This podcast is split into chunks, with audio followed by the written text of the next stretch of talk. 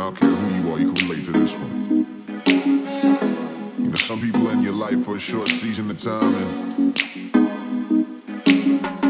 it's almost better that you bury the memories of them because you've already moved on, and holding on to it just don't make no sense. Sometimes we go and dig it up. Like, Is it corny if I admit that I check up on you from time to time when I'm on the net? Uh, I promise I ain't no stalker. It's so awkward when I actually come across you. I act like I ain't bothered a bit.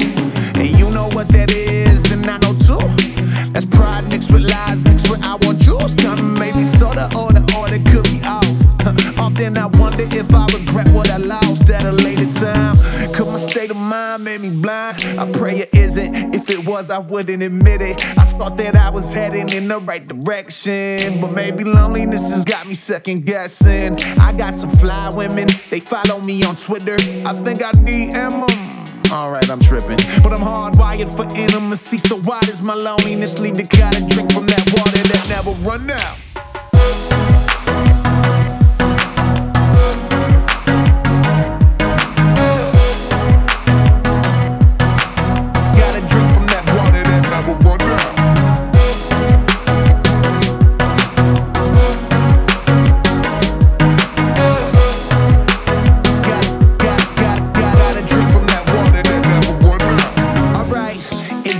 Weird? It's been a few years. We celebrated the ball dropping together. The stuff you used to wear, different products in your hair. When I smell them in the air, I feel like you're somewhere near. Is it me?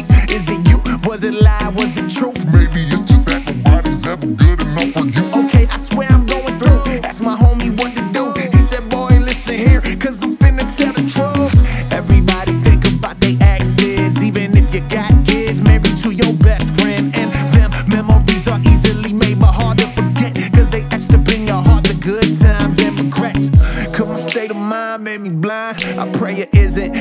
was, I wouldn't admit it. I thought that I was heading in the right direction, but maybe loneliness has got me second guessing. I got some fly women, they follow me on Twitter.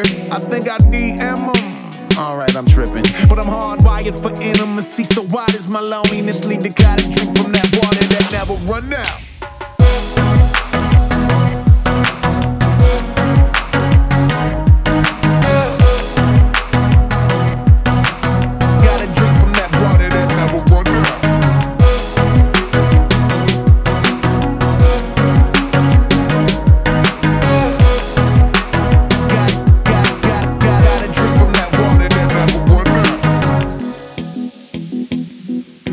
Don't care who you are, you can relate to this one. You know, some people in your life for a short season of time, and it's almost better that you bury the memories of them because you've already moved on, and holding on to it just don't make no sense. But sometimes we go and dig it up.